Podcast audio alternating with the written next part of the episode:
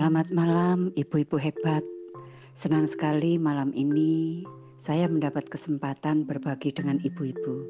Semoga semuanya sehat selalu dan bisa mendampingi keluarga dengan hati yang penuh cinta dan semangat yang menggelora.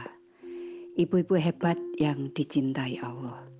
Malam ini kita sharing tentang manfaat menulis. Banyak hal yang bisa kita ambil dari pembiasaan menulis Pertama, meluapkan segala rasa.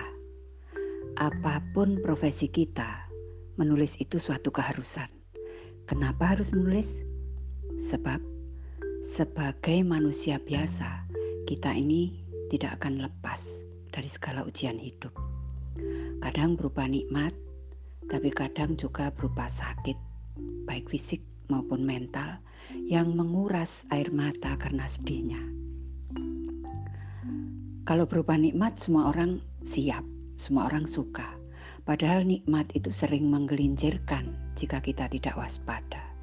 Sebaliknya, ujian yang menyedihkan justru akan buat kita kuat, meski kadang terasa sakit. Nah, kita bisa mengatasi sakit itu dengan menulis. Ganjalan dalam hati itu bisa kita keluarkan dengan bantuan kata-kata.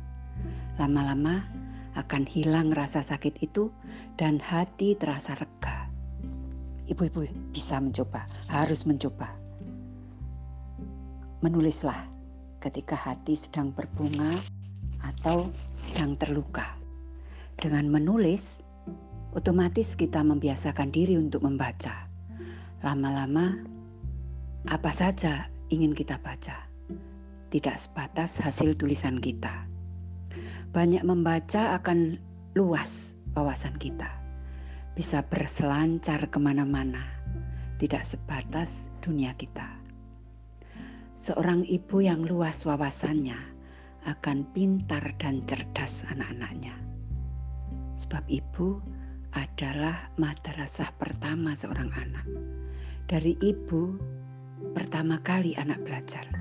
Belajar apa saja.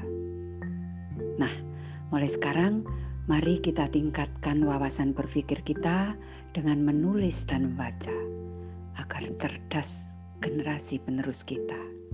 Oke, untuk sementara sampai di sini dulu sharing kita. Kita lanjutkan pada pertemuan yang akan datang tentang manfaat menulis lainnya. Saya berharap ibu-ibu bisa meluangkan waktu untuk mencoba menulis dan banyak membaca. Terima kasih perhatiannya. Semoga apa yang kita bahas malam ini bermanfaat. Sukses ya ibu-ibu. Selamat malam.